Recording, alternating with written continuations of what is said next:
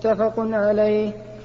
وعن أبي سعيد الخدري رضي الله عنه قال جاءت امرأة إلى رسول الله صلى الله عليه وسلم فقالت يا رسول الله ذهب الرجال بحديثك فاجعل لنا من نفسك يوما نأتيك فيه تعلمنا مما علمك الله. قال اجتمعن يوم كذا وكذا فاجتمعن. فأتاهن النبي صلى الله عليه وسلم فعلمهن مما علمه الله ثم قال ما منكن من امرأة تقدم ثلاثة من الولد إلا كانوا لها حجابا من النار فقالت امرأة واثنين فقال رسول الله صلى الله عليه وسلم واثنين متفق عليه. رحمه الله تعالى في كتاب رياض الصالحين باب فضل باب فضل من مات له أولاد صغار. يعني باب الفضل الذي يعطى إياه من مات له أولاد صغار. يعني فاحتسب الأجر من الله عز وجل وصبر. ثم ذكر فيه حديث أنس وأبي هريرة وأبي سعيد. وكلها تدل على فضل ذلك أن الإنسان إذا مات له أولاد صغار لم يبلغوا الحنث يعني لم يبلغوا فإنه يكون له سترا من النار. فإنهم يكونون له سترا من النار. بفضل رحمته إياهم. لأن هؤلاء الأولاد الصغار هم محل الرحمة. فالأولاد إذا كبروا استقلوا بأنفسهم ولم يكن لوالدهم ولم يكن عند والدهم من الرحمة لهم كالرحمة التي عنده للأولاد الصغار. فإذا كان له أولاد الصغار وماتوا واحتسب الأجر من الله إذا وهم ثلاثة فإنهم يكونون له سترا من النار فلا تمسه النار إلا تحلة القسم. يريد بتحلة القسم قول الله تعالى وإن منكم إلا واردها كان على ربك حتما مقضيا ثم ننجي الذين اتقوا ونذر الظالمين فيها جثيا.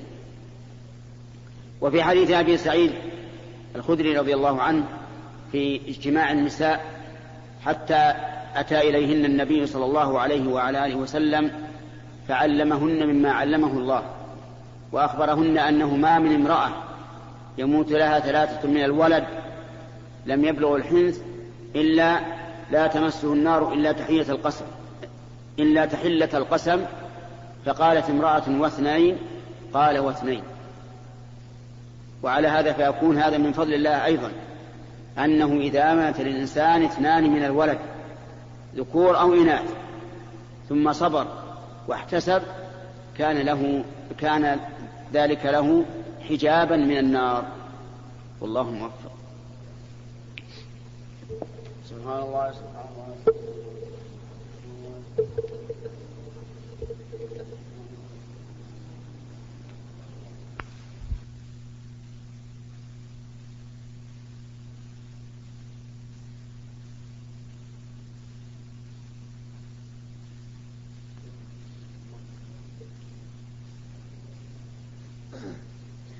بسم الله الرحمن الرحيم. الحمد لله رب العالمين والصلاة والسلام على نبينا محمد وعلى آله وصحبه أجمعين. قال رحمه الله تعالى باب البكاء والخوف عند المرور بقبور الظالمين ومصارعهم وإظهار الافتقار إلى الله تعالى والتحذير من الغفلة عن ذلك. عن ابن عمر رضي الله عنهما أن رسول الله صلى الله عليه وسلم قال لأصحابه يعني لما وصلوا الحجر ديار ثمود لا تدخلوا على هؤلاء المعذبين إلا أن تكونوا باكين. فإن لم تكونوا باكين فلا تدخلوا عليهم لا يصيبكم ما أصابهم. متفق عليه. وفي رواية قال لما مر رسول الله صلى الله عليه وسلم بالحجر قال لا تدخلوا مساكن الذين ظلموا أنفسهم أن يصيبكم ما أصابهم إلا أن تكونوا باكين. ثم قنع رسول الله صلى الله عليه وسلم رأسه أسرع السير حتى أجاز الوادي. قال المؤلف رحمه الله في كتاب رياض الصالحين باب البكاء عند المرور بقبور الظالمين والخوف من أن يصيب الإنسان ما أصابه. ثم ذكر حديث ابن عمر في مرور النبي صلى الله عليه وسلم بالحجر ديار ثمود وثمود هم قوم صالح الذين أرسلهم الله أرسل الله إليهم صالحا عليه الصلاة والسلام فذكرهم بالله. ولكنهم كفروا به. فقال تمتعوا في داركم ثلاثة أيام. ثم أخذتهم الصيحة والرجفة فأصبحوا في دارهم جاثمين. وكان الله تعالى قد أعطاهم قدرة وقوة في نحت الجبال وبناء القصور في السهول وأصبحوا أمة قوية. ولكن الله تعالى أخذهم برجفة وصيحة فماتوا عن آخرهم. مر بهم النبي عليه الصلاة والسلام في طريقه إلى تبوك. فقال عليه الصلاة والسلام لا تدخل على هؤلاء إلا أن تكونوا باكين. فإن لم تكونوا باكين فلا تدخلوا عليهم أن يصيبكم ما أصابهم ولا ولهذا نقول لا يجوز لأحد أن يذهب إلى ديار ثمود ليتفرج وينظر مساكنهم لأن هذا وقوع في معصية الرسول عليه الصلاة والسلام. إلا رجلا يريد أن يذهب ليعتبر ويكون باكيا حين مروره بذلك بتلك الأماكن. فإن لم يكن باكيا فإنه لا يجوز أن يدخل عليه لأنه ربما يصيبه ما أصابه. ولما مر النبي صلى الله عليه وعلى آله وسلم بواديهم قنع رأسه يعني خفضه. و و وأجاز أسرع السير حتى تجاوز الوادي. وبه نعرف خطأ هؤلاء الجهال الذين يذهبون إلى ديار ثمود للتفرج والتنزه ويبقون فيها أياما ينظرون آثارهم القديمة. فإن ذلك معصية للرسول عليه الصلاة والسلام. ومخالفة لهديه وسنته. فإنه عليه الصلاة والسلام لما مر بهذا بهذه الديار أسرع وقنع رأسه عليه الصلاة والسلام وحتى جاوز الوادي وحذر من أن يكون يسكن الإنسان في مساكن الذين ظلموا أنفسهم. والذين أهلكهم الله في هذه الأرض خوفا أن يصيب الإنسان ما أصابه من عذاب الله إما بكفره بالله عز وجل حتى يستحق هذا العذاب وإما بعقوبة يعاقب بها وإن, وإن لم يكفر وهو إذا لقي الله عز وجل يوم القيامة فالله تعالى بصير بالعباد. والله موفق. نعم.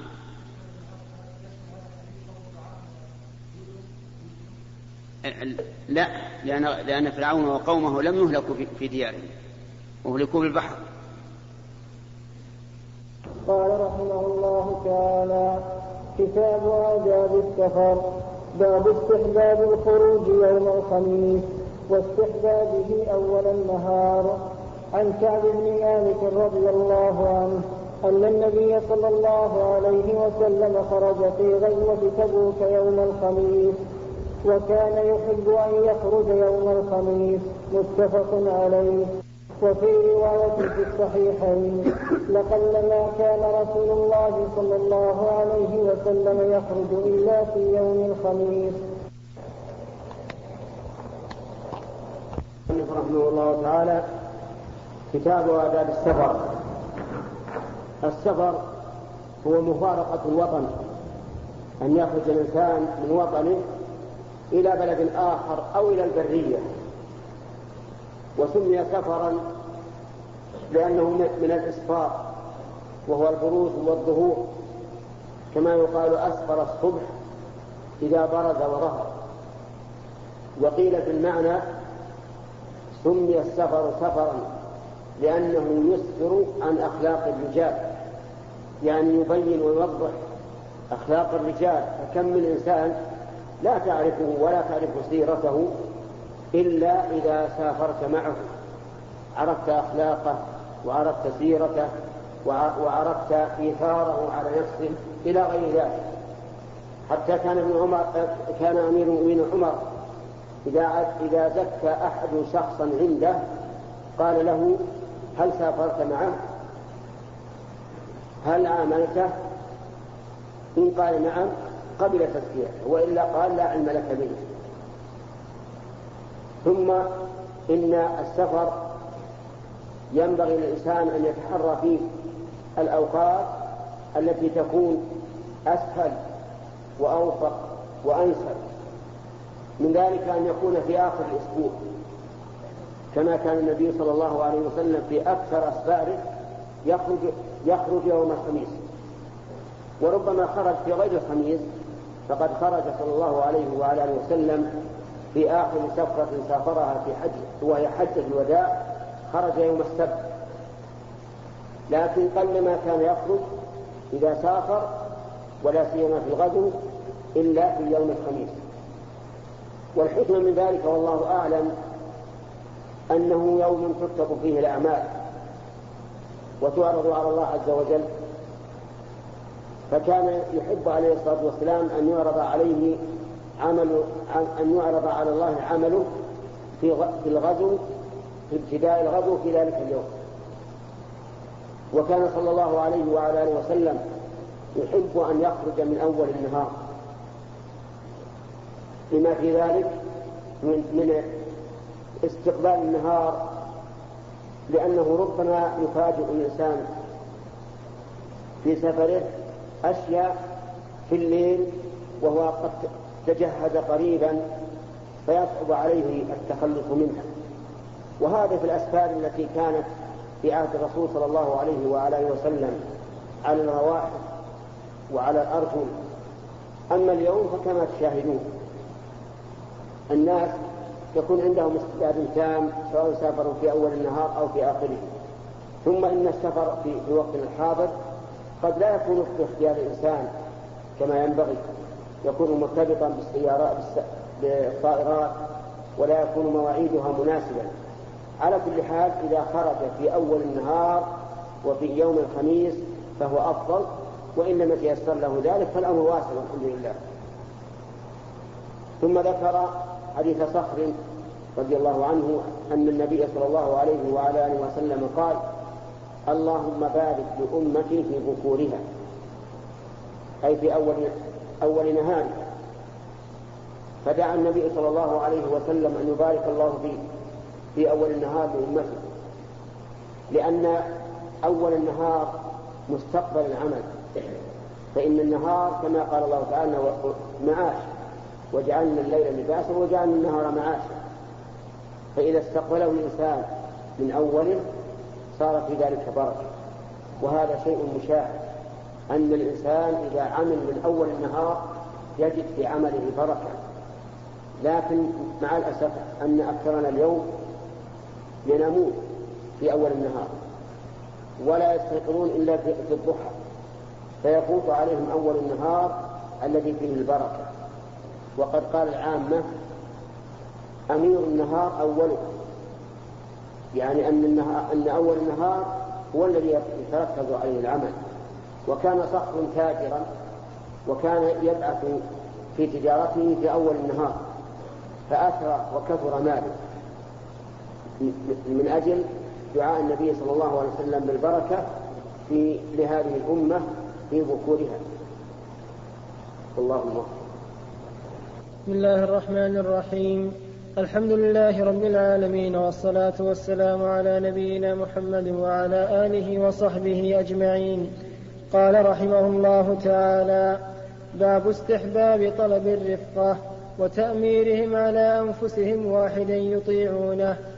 عن ابن عمر رضي الله عنهما قال قال رسول الله صلى الله عليه وسلم لو أن الناس يعلمون من الوحدة ما أعلم ما سار راكب بليل وحده رواه البخاري.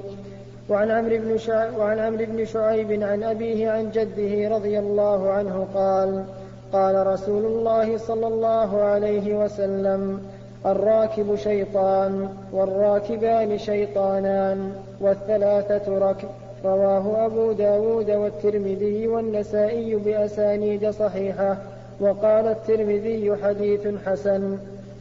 وعن أبي سعيد وأبي هريرة رضي الله تعالى عنهما قالا قال رسول الله صلى الله عليه وسلم إذا خرج ثلاثة في سفر فليؤمروا أحدهم.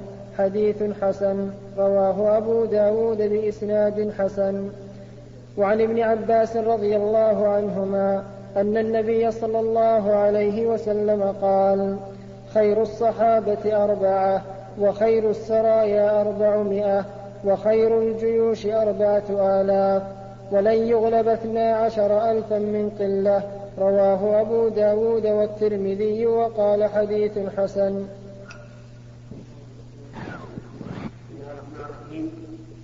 قال المؤلف رحمه الله في كتاب رياض الصالحين باب استحباب الرفقة وتأمير أحدهم. هذا الباب تضمن مسألتين. المسألة الأولى أنه ينبغي للإنسان أن يكون معه رفقة في السفر وأن لا يسافر وحده. ولهذا قال النبي صلى الله عليه وسلم لو يعلم الناس ما في الوحدة ما سار راكب بليل قط وحده. يعني معناه أن الإنسان لا ينبغي أبدا أن يسير وحده في السفر لأنه ربما يصاب بمرض أو بإغماء أو يتسلط عليه أحد أو غير ذلك من المحذورات فلا يكون معه أحد يدافع عنه أو يخبر عنه أو ما أشبه ذلك. وهذا في الأسفار الذي التي تتحقق فيها الوحدة. وأما ما يكون في الخطوط الآن عندنا الخطوط العامرة التي لا تكاد لا يكاد يمضي دقيقة واحدة إلا وقد مر بك سيارة فهذا وإن كان الإنسان في سيارته وحده فليس من هذا الباب. يعني ليس من السفر وحده لأن الخطوط الآن العامرة كما بين القصيم والرياض والرياض ومكة وما أشبه ذلك هذه خطوط عامرة كأنما تمشي في وسط البلد. لا تفقد السيارة دائما والسيارات هذه راح وهذا جاي. فلا يدخل في النهي. ثم بين النبي عليه الصلاة والسلام في حديث عمرو بن شعيب أن الراكب شيطان والراكبان شيطانان والثلاثة ركب يعني الراكب وحده الذي يسافر وحده شيطان والذي يسافر وليس معه إلا واحد شيطانان والثلاثة ركب. يعني ليسوا من الشياطين بل هو ركب مستقل. وهذا أيضا يدل على الحذر والتحذير من من سفر الوحدة. وكذلك من سفر الاثنين. والثلاثة لا بأس. وهذا كما قلت مقيد بالأسفار التي لا يكون فيها ذاهب وآت ثم ذكر حديث حديث ابن سعيد وأبي هريرة أن الرسول عليه الصلاة والسلام أمر المسافرين إذا سافروا أن يؤمروا أحدهم. يعني يؤمر واحدا منهم. يتولى تدبيرهم. يقول ننزل نمشي نتغدى نتعشى وما أشبه ذلك. لأنهم إذا لم يؤمروا واحدا صار أمره فوضى. فوضى من من يدبر الأمر؟ من يدبر أمرهم؟ ولهذا قيل لا يصلح لا يصلح الناس فوضى لا صلاة لهم. لا بد من أمير. يتولى أمرهم وظاهر الحديث أن هذا الأمير إذا رضوه وجبت طاعته فيما يتعلق بمصالح السفر. فلا فلا يعصى لأنه أمير. أما ما لا يتعلق بأمور السفر فلا تلزم طاعته. كالمسائل الخاصة بالإنسان هذا لا تلزم طاعته. لكن ما يتعلق بالسفر الذي جعل أميرا فيه تجب طاعته إلا أنه لا يعني ذلك أن هذا الأمير يستبد بل يكون كما قال الله تبارك وتعالى فاعف عنهم واستغفر لهم وشاورهم في الأمر يشاورهم في الأمور التي تخفى فيها التي يخفى فيها جانب المصلحة ولا يستبد برأيه. أما الأمور الواضحة فلا حاجة للمشورة فيها وأما الأمور التي تشكل أو أو تتردد في يتساوى فيها جانب المصلحة والمفسدة فلا بد من مشاورة الرفقاء. والله موفق. الحمد لله رب العالمين والصلاة والسلام على نبينا محمد وعلى آله وصحبه أجمعين. قال رحمه الله تعالى باب آداب السير والنزول والمبيت والنوم في السفر واستحباب الرفق بالدواب. ومراعاة مصلحتها وأمر من قصر في حقها بالقيام بحقها وجواز الإرداف على الدابة إذا كانت تطيق ذلك. عن أبي هريرة رضي الله عنه قال قال رسول الله صلى الله عليه وسلم إذا سافرتم في الخصب فأعطوا الإبل حظها من الأرض وإذا سافرتم في الجدب فأسرعوا عليها السير وبادروا بها نقيها. وإذا عرستم فاجتنبوا الطريق فإنها طرق الدواب ومأوى الهوام بالليل. رواه مسلم. وعن أبي قتادة رضي الله الرحمن رحمه الله في هذا الباب آدابا كثيرة تتعلق بالسفر والرواحل وذلك أن المسافر إذا سافر على راحلة بهيمة من إبل أو حمر أو بغال أو خيل فإن عليه أن يراعي مصلحتها لأنه مسؤول عنها. ولهذا كان النبي عليه الصلاة والسلام في حجة الوداع كان راكبا على ناقته وكان قد خنق لها زمامها. فإذا أتى حبلا من الحبال يعني مرتفعة من المرتفعات أرخى لها قليلا حتى تصعد. فمن الآداب أن الإنسان إذا سافر في أيام الخصب فإنه ينبغي أن يتأنى في السير. يعني لا يسير سيرا حديثا يعطي الإبل حقها من الرعي لأنه إذا كان يمشي على الهوينة أمكن للإبل أن ترعى فإذا كانت الأرض معشبة وخصبا وأنت على إبل فلا تسرع في السير دع الإبل تروح يمين ويسار ترعى بمهل لأجل أن ينالها حظها حظها من الخصب. أما إذا كان الأمر بالعكس وكانت السنة جدبا فإنك فإن المطلوب أن تسرع. لتبادر نقي الإبل. نقيها يعني مخها. لأنك إذا أمهلت في السير والأرض جد لا ترعى طالت مدة السفر. فذهب مخها. فإذا أسرعت فإن فإنك تصل إلى البلد التي بها الأعلاف وفيها مؤونة الدواب وهذا من حكمة النبي عليه الصلاة والسلام. وأن الله تعالى قد أعطاه مصالح الرعاية لبني آدم وللبهائم حيث أرشد عليه الصلاة والسلام المسافرين إلى هذا الإرشاد في الخص تأن في السير في الجد أسرع في السير كذلك أمر أننا إذا عرسنا في الليل يعني نزلنا ليلا لنستريح وننام فإننا لا ننام في الطريق. يعني في الجادة. لأنها طرق البهائم. الناس يستطرقون هذا الطريق وربما يأتي إنسان غافلا فيطع هذا النائم في الطريق. وكذلك أيضا هي مأوى الهوام. الهوام تأتي حول الطرق لأجل إذا سقط من أحد شيئا من الطعم أكلته. ولهذا يكثر وجود الهوام في في الطرقات.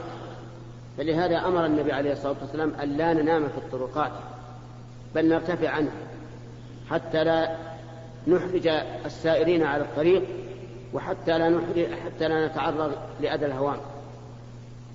ومثل ذلك بل من باب أولى طرق السيارات اليوم الخطوط.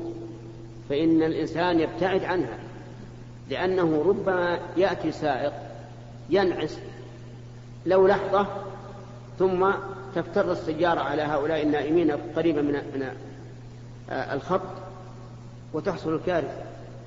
فأبعد عن الخطوط. لا تنم حولها لأن لا تقع في الخطر وهذا من إرشاد النبي صلى الله عليه وعلى آله وسلم. وكان من هديه عليه الصلاة والسلام أنه إذا عرس في أول الليل اضطجع على يمينه. وإذا عرس قبيل الفجر آه، اتكأ على يده اليسرى. نصب ذراعه واتكأ عليه. لأنه إذا كان من أول الليل ينام على اليمين ليعطي النفس حظها من النوم. يعطيها الحظ من النوم. ولهذا كان في إقامته عليه الصلاة والسلام وفي بيته إذا نام ينام على الجنب الأيمن. بل أمر بذلك. أن الإنسان ينام على جنبه الأيمن. أما إذا كان قبيل الفجر فكان ينصب ذراعه عليه الصلاة والسلام وينام على يده لئلا يستغرق في النوم فتفوته صلاة الفجر. صلوات الله وسلامه عليه.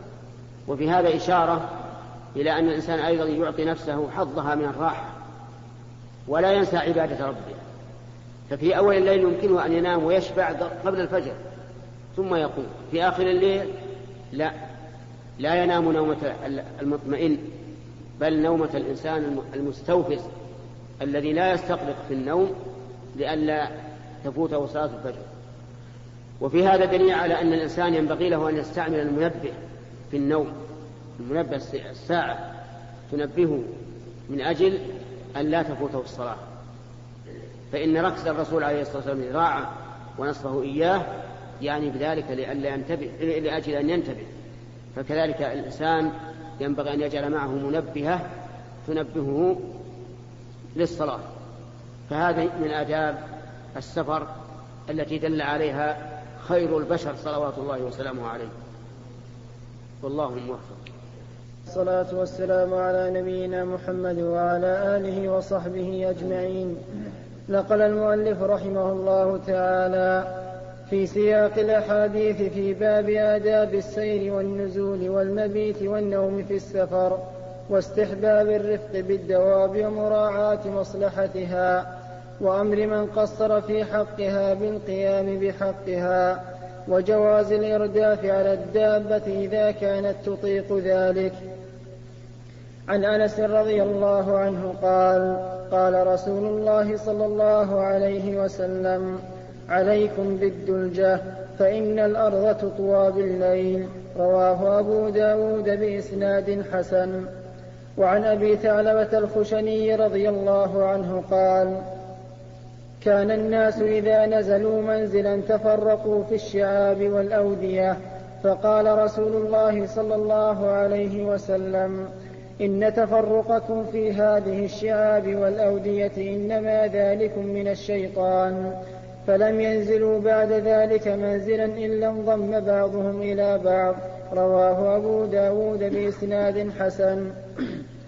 وعن سهل بن عمرو وقيل سهل بن الربيع بن عمرو الأنصاري المعروف بابن الحنظلية وهو من أهل بيعة الرضوان رضي الله عنه قال مر رسول الله صلى الله عليه وسلم ببعير قد لحق ظهره ببطنه فقال اتقوا الله في هذه البهائم المعجمة فاركبوها صالحة وكلوها صالحة رواه أبو داود بإسناد صحيح.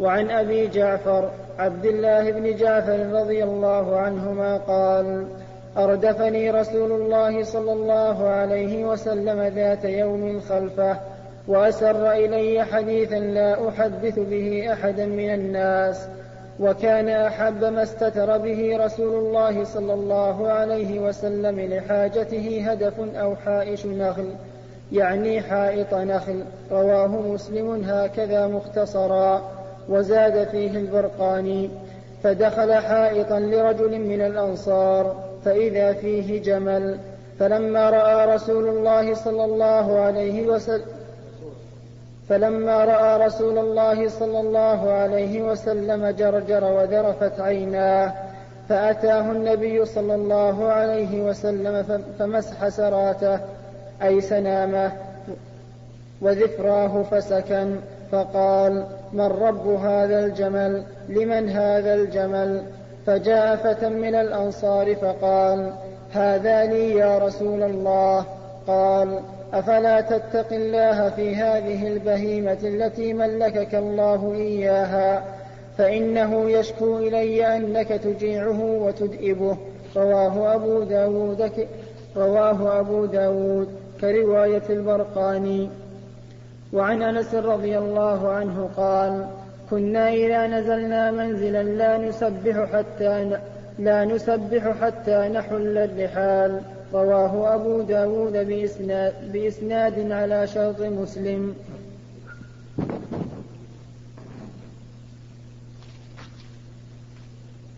وقوله لا نسبح أي لا نصلي النافلة ومعناه أنا مع حرصنا على الصلاة لا نقدمها على حط الرحال وإراحة الدواب. بسم الله الرحمن الرحيم. هذه أحاديث في آداب السفر. ساقها النووي رحمه الله في كتاب رياض الصالحين. منها أن النبي صلى الله عليه وعلى آله وسلم أرشد أمته إلى أن يسيروا في الليل وأخبر أن الأرض تطوى أي تطوى للمسافر إذا سافر في الليل يعني أنه يقطع في الدلجة في الليل ما لا يقطعه في النهار. وذلك لأن الليل وقت براد فهو أنشط للرواحل وأسرع في سيرها. ولهذا عبر النبي عليه الصلاة والسلام عن ذلك بأنه, بأنه تطوى الأرض للمسافر إذا مشى في الليل. ومن الآداب أيضا أنه ينبغي للجماعة أن لا يتفرقوا إذا نزلوا منزلا. فإن الصحابة رضي الله عنهم كانوا إذا نزلوا منزلا تفرقوا في الأودية والشعاب فقال النبي صلى الله عليه وعلى آله وسلم إنما ذلكم من الشيطان. يعني تفرقكم. ثم فما نزلوا بعد ذلك منزلا إلا اجتمعوا جميعا لأن ذلك أقوى لهم وأحفظ. ولو تسلط عليهم عدو في هذه في هذه الليلة وكانوا جميعا أمكنهم المدافعة. لكن إذا تفرقوا توزعوا وفشلوا.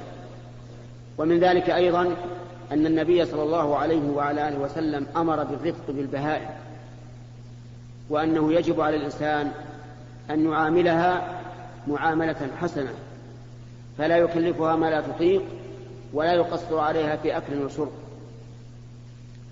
ومن ذلك أيضا من الآداب أنه أن الإنسان يركب الراحلة وحده وله أن يردف غيره لكن بشرط أن تكون الراحلة مطيقة للإرداف فإن لم تكن مطيقة لضعفها أو نحو ذلك فإنه لا يحل له أن يكلفها ما لا تطيق. لأن هذه البهائم تتعب كما يتعب الإنسان. هي مكونة مما كون منه الإنسان من لحم وعظم ودم فإذا كان الإنسان يتعب إذا حمل ما لا يطيق أو إذا حمل عملا يتعبه فكذلك هذه البهائم. ولهذا أمرنا النبي عليه الصلاة والسلام أن نتقي الله تعالى فيها وألا نقصر في حقها. ثم ذكر حديث ابن الحنظلية أن الرسول عليه الصلاة والسلام كان قلما يقضي حاجته إلا إلى هدف أو حائش. يعني هدف يعني مثل العنزة كان يركزها عليه الصلاة والسلام ويقضي حاجته إليها فدخل ذات يوم حائط رجل من الأنصار. فإذا بجمل فلما رأى النبي صلى الله عليه وسلم يعني رآه الجمل رأى النبي عليه الصلاة والسلام. جاء يجرجر بجيرانه خافضا رقبته وعيناه تذرفان. الجمل يشكو صاحبه إلى النبي عليه الصلاة والسلام. فقال النبي صلى الله عليه وسلم من رب هذا الجمل؟ من لهذا الجمل؟ فجاء رجل من الأنصار فقال هذا لي يا رسول الله. فأخبره النبي صلى الله عليه وسلم أن الجمل يشكو إليه صاحبه بأنه يجيع ويحمله ما لا يطيق وأمره أن يتقي الله تعالى فيه. وهذا من آيات النبي عليه الصلاة والسلام. أن البهائم العجم تشكو إليه إذا رأته عليه الصلاة والسلام. لأن هذا من آيات الله التي يؤيد الله تعالى بها رسوله صلى الله عليه وعلى آله وسلم. فإن الله تعالى ما أرسل رسولا إلا أعطاه آيات تدل على نبوته لئلا يكذبه الناس. لأن الناس لو جاء إليهم رجل وقال أنا رسول الله إليكم بدون آية ما صدقوه.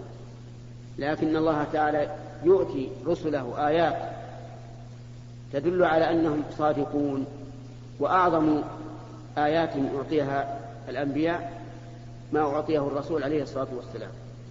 وقد ذكر ابن كثير رحمه الله في النهاية في البداية والنهاية وغيره أيضا أنه ما من آية لنبي من الأنبياء السابقين إلا كان لرسول الله صلى الله عليه وسلم مثلها أو أعظم منها. إما له هو شخصيا وإما لأتباعه. وذكر على ذلك أمثلة وشواهد كثيرة. لكن لم يعطى أحد من الأنبياء مثل ما أعطيه النبي صلى الله عليه وعلى آله وسلم من هذا الوحي القرآن. ولهذا قال وإنما الذي أوتيته وحي أوحاه الله إلي فأرجو أن أكون أكثرهم تابعا يوم القيامة. لأن هذا الوحي باقي إلى يومنا هذا والناس كلما قرأوه ازدادوا إيمانا بالله ورسوله. لما فيه من الآيات العظيمة الدالة على أن رسول الله صلى الله عليه وسلم رسول الله حقا. والله موفق. سبحان الله. لا حول ولا قوة إلا بالله. اللهم لا اللهم لا مانع لما أعطيت ولا مطيع لما منعت ولا بسم الله الرحمن الرحيم. الحمد لله رب العالمين والصلاة والسلام على نبينا محمد وعلى آله وصحبه أجمعين. قال رحمه الله تعالى باب إعانة الرفيق. عن أبي سعيد الخدري رضي الله عنه قال بينما نحن في سفر إذ, في سفر إذ جاء رجل على راحلة له فجعل يصرف بصره يمينا وشمالا فقال رسول الله صلى الله عليه وسلم من كان معه فضل ظهر فليعد به على من لا ظهر له ومن كان له فضل زاد فليعد به على من لا زاد له فذكر من أصناف المال ما ذكر. حتى رأينا أنه لا حق لأحد منا في فضل رواه مسلم. وعن جابر رضي الله عنه عن رسول الله صلى الله عليه وسلم أنه أراد أن يغزو فقال يا معشر المهاجرين والأنصار إن من إخوانكم قوما ليس لهم مال ولا عشيرة فليضم أحدكم إليه الرجلين أو الثلاثة فما لأحدنا من ظهر يحمله إلا عقبة يعني كعقبة أحدهم. قال فضممت إلي اثنين أو ثلاثة ما لي إلا عقبة كعقبة أحدهم من جملي رواه أبو داود. وعنه رضي الله عنه قال كان رسول الله صلى الله عليه وسلم يتخلف في المسير فيزجي الضعيف ويردف ويدعو له. رواه أبو داود بإسناد حسن.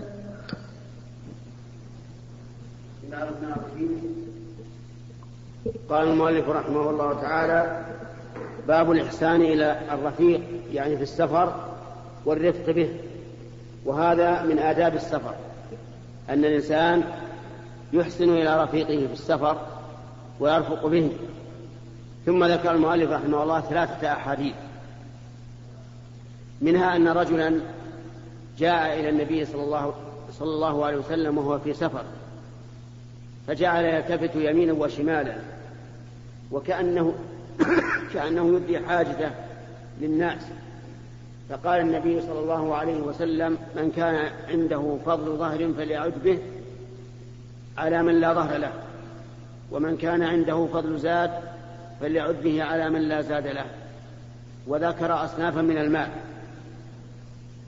فصار الناس كل منهم ينظر إلى رفيقه ويركبه معه ويشركه في زاده. وهكذا أيضا الحديث الثاني أن النبي صلى الله عليه وآله وسلم أمر أن أن يتعاقب الرجلان والثلاثة على البعير الواحد حتى يكون الناس كلهم سواء. وكذلك الحديث الثالث أن الرسول صلى الله عليه وسلم كان يكون في إخريات القوم في السفر. يزجي الضعيف يسوقه ويدعو له كما ثبت ذلك عنه أيضا في صحيح مسلم في قصة جابر بن عبد الله أن أن النبي صلى الله عليه وعلى آله وسلم لحقه وكان جابر على جمل قد أعيا فضربه النبي صلى الله عليه وسلم ضرب الجمل ودعا له فصار يمشي كما تمشي الركاب بل كان يتقدم عليها. فالحاصل أنه ينبغي للإنسان أن يكون مع رفقائه في السفر محسنا إليهم قاضيا لحاجتهم معينا لهم فإن هذا من الآداب النبوية التي جاءت بها سنة النبي صلى الله عليه وعلى آله وسلم. والله أعلم. الرحمن الرحيم. الحمد لله رب العالمين والصلاة والسلام على نبينا محمد وعلى آله وصحبه أجمعين. قال رحمه الله تعالى باب ما يقول إذا ركب دابة للسفر. قال الله تعالى وجعل لكم من الفلك والأنعام ما تركبون لتستووا على ظهوره ثم تذكروا نعمة ربكم إذا استويتم عليه. وتقولوا سبحان الذي سخر لنا هذا وما كنا له مقرنين وإنا إلى ربنا لمنقلبون. عن ابن عمر رضي الله عنهما أن رسول الله صلى الله عليه وسلم كان إذا استوى على بعيره خارجا إلى سفر كبر ثلاثا ثم قال سبحان الذي سخر لنا هذا وما كنا له مقرنين. وإنا إلى ربنا لمنقلبون. اللهم إنا نسألك في سفرنا هذا البر والتقوى ومن العمل ما ترضى. اللهم هون علينا سفرنا هذا واطو عنا بعده. اللهم أنت الصاحب في السفر والخليفة في الأهل. اللهم إني أعوذ بك من وعثاء السفر وكآبة المنظر. وسوء المنقلب في المال والأهل والولد وإذا رجع قالهن وزاد فيهن آيبون تائبون عابدون لربنا حامدون. رواه مسلم. قال المؤلف رحمه الله تعالى في باب آداب السفر باب ما يقول إذا ركب دابته للسفر.